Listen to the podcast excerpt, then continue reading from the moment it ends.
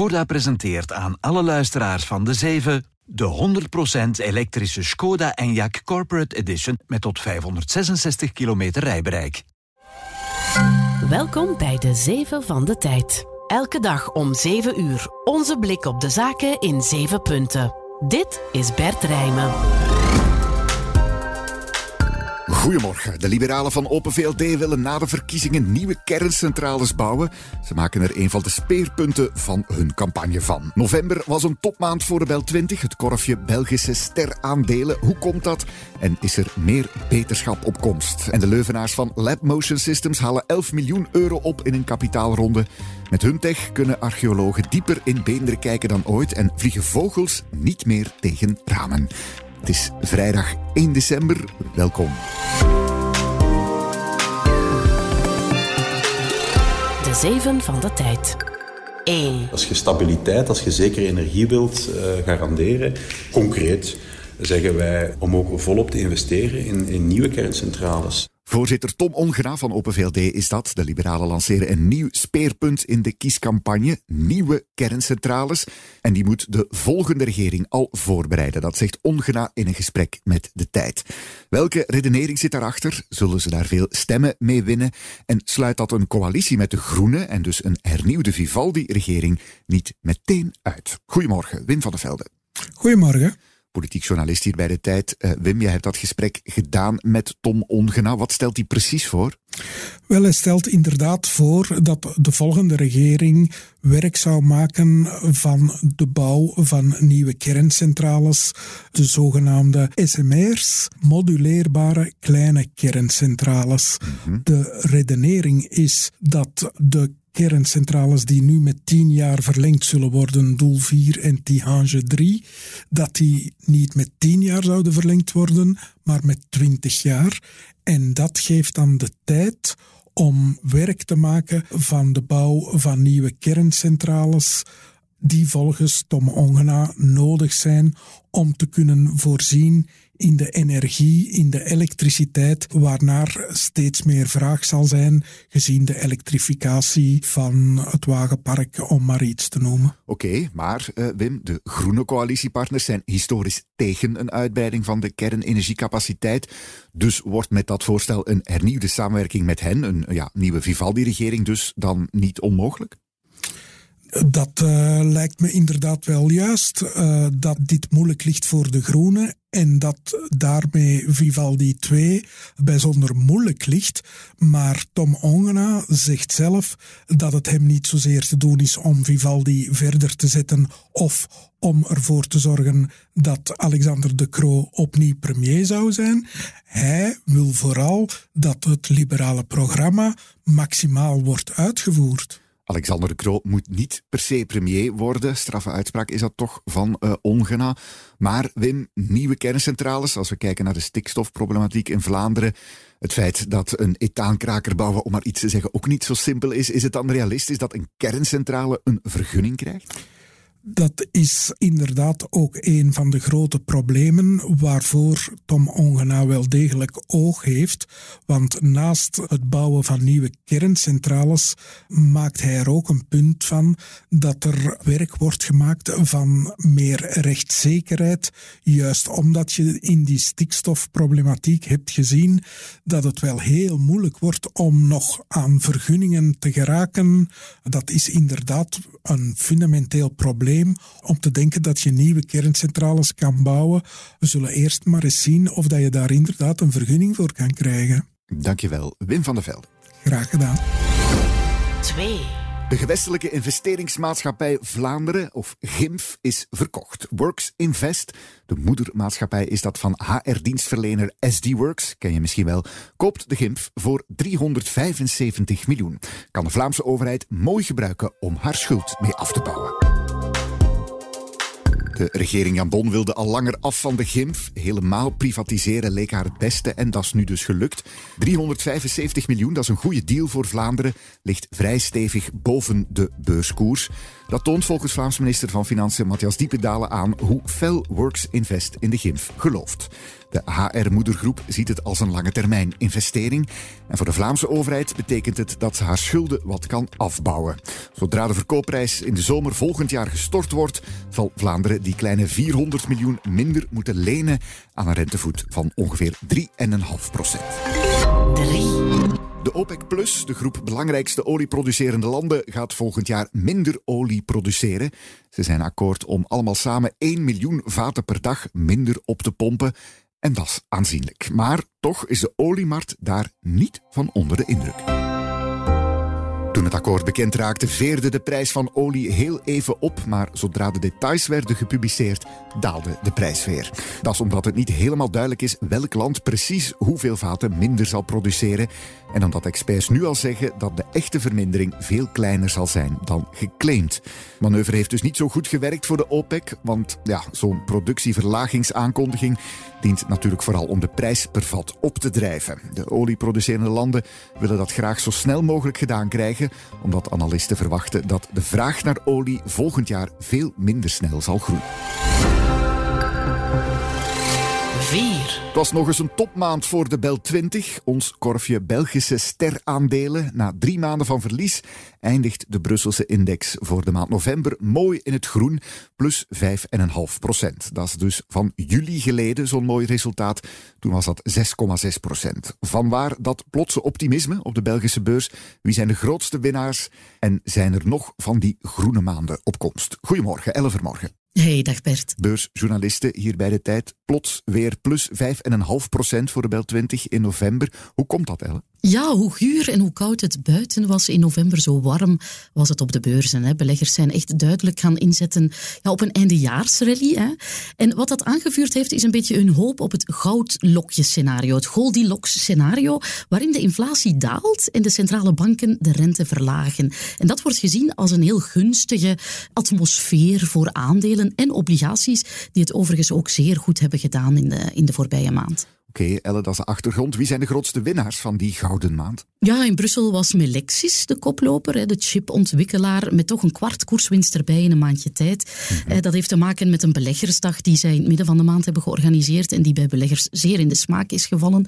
Aperam was een uitblinker, eh, de zorgverhuurder Edifica eh, was een hele sterke presteerder en ook onze nationale telecommaatschappij Proximus, de telecommarktleider, die toch uit een diepdal aan het klauteren is op de beurs. Oké, waren er ja, ondanks dat goede klimaat toch ook verliezers, Elle? Ja, de meest opmerkelijke is Argenix, eigenlijk de sterspeler dit jaar. De enige echte klimmer voor de Bel 20 op jaarbasis. Maar die is in de maand november, eigenlijk pas geleden, vorige dinsdag, geraakt door een onderzoekstegenvaller. Een middel, uh, Vivgard, hun belangrijke middel, blijkt in een bepaalde uh, ziekte, een bloedziekte, niet werkzaam uh, te zijn. En dat heeft de koers onderuit gehaald. En Argenix, dus de grote winnaar van het beursjaar, eigenlijk mm -hmm. tot de grote verliezer van november gemaakt. Oké, okay, maar over het algemeen dus een goed sentiment op onze Belgische beurs. Elle, gaat dat blijven duren? Ja, dat is altijd de vraag in de glazen bol die we helaas niet hebben. Hè. Misschien kan je zeggen ja, dat de aandelenmarkten een beetje te hard voorlopen en ze negeren misschien een beetje de keerzijde die zo'n lagere inflatie uh, kan hebben. Hè. We moeten daar uiteraard blij mee zijn, want we komen uit die torenhoge inflatie. Maar die lagere inflatie heeft ook een keerzijde. Hè. Bedrijven hebben hogere prijzen aan hun klanten kunnen doorrekenen en daardoor vaak hogere winsten uh, gerealiseerd. En dat soort bedrijfswinsten uh, verkrijgen zal wat moeilijker zijn als de inflatie uh, daalt. Elk nadeel heeft zijn voordeel. Dankjewel, Elle Vermorgen. Ja, met veel plezier, Bert. En wie wil testen of je het beter kan doen dan de Bel 20, doe dan zeker mee met de beursrally, de beleggenwedstrijd van de tijd. Maak je kans op 10.000 euro voor wie het meeste in portefeuille heeft aan het einde van de wedstrijd. Alle info vind je op beursrally.be. 5. I close my eyes and travel through realms of space and time. Renaissance is not over. Everybody. Renaissance, het is een nieuwe concertfilm over Beyoncé door Beyoncé en hij komt vandaag uit. Veel fans zullen straks extatisch hyperventilerend naar de bioscoop trekken, ook in ons land. Maar met het businessmodel achter de film zal Queen Bee in Hollywood niet veel mensen gelukkig maken. Voorkennis. De popster heeft namelijk geen filmstudio onder de arm genomen die zijn deel van de opbrengsten kan opeisen. Ze heeft het project helemaal zelf gefinancierd en is er vervolgens rechtstreeks mee naar de bioscoopuitbaters gegaan. Zo kan Beyoncé de helft van de box-office in haar eigen zak steken. Slim gezien, al geeft ze toe dat ze het een beetje heeft afgekeken van haar collega en vriendin Taylor Swift. Die maakte ook een docu-verfilming van een gehypte concerttour. En die film, Taylor Swift, The Eras Tour, bracht op vier weken tijd een ongeziene 250 miljoen dollar op. Of Renaissance ook zoveel zal kunnen binnenhalen, moeten we nog zien. 6. We need better imagery. That takes a higher resolution scanner. And so that's why we're here. The only machine on the planet that could scan down to a millionth of a meter de botten van een mensachtige van 250.000 jaar oud scannen met de precisie van een miljoenste van een meter. Je hoorde een fragment uit de Netflix-docu Unknown Cave of Bones. De scanner in kwestie is het werk van een Belgisch bedrijf, Lab Motion Systems. En die halen nu 11 miljoen euro op in een succesvolle kapitaalronde. Wel een gevoel van opluchting. Dat is toch een intens proces. Wim van de Vijver is CEO van Lab Motion Systems. Veel goesting om er nu keihard tegenaan te gaan, omdat we toch uh, heel veel plannen hebben, grote plannen hebben, naar uitbreiding, naar nieuwe innovaties, naar nieuwe producten die we willen doen groeien. En er zijn veel divisies die kunnen groeien, allemaal met hun eigen soort producten. Eén ding dat hen wel verenigt, precisie. Lab Motion Systems, waar wij precisiesystemen bouwen voor heel wat meteorologiebedrijven die die precisie nodig hebben in hun machines, voor x-ray uh, applicaties, voor onderzoeksinstellingen. Dat willen we verder uitbreiden. Maar verder zijn we sinds een anderhalf à twee jaar bezig met onze machines te ontwikkelen voor de halfgeleiderindustrie. En dat vergt heel wat investeringen en daar willen we heel hard op inzetten lasermachines, daar zien we ook een grote markt. En dat willen we eigenlijk bijna van start uh, volledig verder, verder uit uh, beginnen rollen. Lasermachines, computerchipmachines en weerprecisiesystemen. Allemaal zaken die Lab Motion Systems met het extra kapitaal een boost zal kunnen geven. Om je een idee te geven, ze maken machines waarmee glas kan worden geëtst, zodat er geen vogels meer tegen vliegen. Of, zoals je ziet in de Netflix-docu, ultra-precieze scanners. Ook heel, heel uh, toffe machines die we, die we kunnen bouwen. wel heel veel eisend. De nauwkeurigheid van dat beeld, of de, de resolutie van dat beeld, zit in het microniveau, soms zelfs in het onder het micrometerniveau. Daar hebben wij ons in gespecialiseerd. Dus we hebben allerlei soorten machines ontworpen en bouwen die tot op, eh, in sommige gevallen zelfs 20 nanometer, uh, nauwkeurig kan bewegen. Uh, en om op die manier hele scherpe beelden op te leveren. Vorig jaar hadden Lab Motion Systems een omzet van 8,5 miljoen. Dit jaar wil Van de Vijver naar 10 miljoen gaan en over vier jaar moet dat 35 miljoen zijn. 7. De eurobankbiljetten worden in een nieuw jasje gestoken. Dat wil zeggen, er komt een nieuwe afbeelding op de biljetten. De thema's rivieren, vogels en culturen. Het is nog maar de tweede keer sinds de invoering van de euro, 22 jaar geleden, dat de Europese bankbiljetten een andere tekening krijgen. Volgens de Europese Centrale Bank moeten de Europeanen zich ongeacht hun achtergrond of leeftijd beter kunnen identificeren met de nieuwe biljetten. Daarom hield de ECB afgelopen zomer zelfs een heuse enquête waarin de Europese bevolking zich kon uitspreken over zeven geselecteerde thema's. Europese cultuur bleek het populairste thema. Rivieren en vogels waren nummers 2 en 3, maar die laatste worden nu dus samengevoegd in één thema. Vogels en rivieren, lekker neutraal, daar zal wel niemand aanstoot aan nemen. Culturen lijkt me al wat moeilijker. Niet iedereen vindt immers hetzelfde leuk. Stierenvechten, Sinterklaas, ik zeg maar wat. Wat er ook van zij, pas in 2026 zal beslist worden welke tekening het haalt. Daarna duurt het nog enkele jaren voor de eerste nieuwe bankbiljetten in omloop komen. Kunnen ze dus nog lang over discussiëren. Daarmee zit de laatste, de zeven van deze week er weer op. Het is te zeggen de laatste gewone de zeven van de week, want in de loop van de namiddag droppen we nog een de zeven extra in dit kanaal. Die zal gaan over de wonderweek van B-Post en het krantenbedelingscontract. Wat is daar allemaal gebeurd? Waar staan we nu? En wat betekent dat voor de toekomst? Collega's Dieter Dujardin en Bas Kursjes schuiven aan voor een langer gesprek met alle ins en outs. Hou je feed dus in de gaten vandaag. Morgen is er dan weer een zaterdagkrant en ook daar kan je heel veel lezen, onder andere over B-Post. Chef Weekend Sophie van Lommel weet meer. Wij vroegen ons af wie straks uw krant in de bus stopt. En we zijn het gaan uitzoeken in het spoor van een postbode van Bipost, maar ook een zelfstandige van PPP, die beweerde het voor de helft van de prijs te kunnen doen.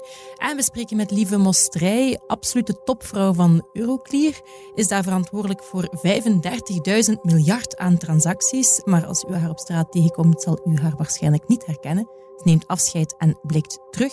En we gaan zeer exclusief op bezoek bij het nieuwe Google Security Center in Malaga. Het zijn de enige Belgische krant die daar een kijkje mag nemen hoe dat de Amerikaanse reus cyberaanvallen afweert. Dat alles en nog veel meer in de weekendkrant. Check it out, ook op tijd.be of in de app. Maandag zijn we er dan weer. Dan blikken we zoals steeds vooruit naar de week die begint met een gast.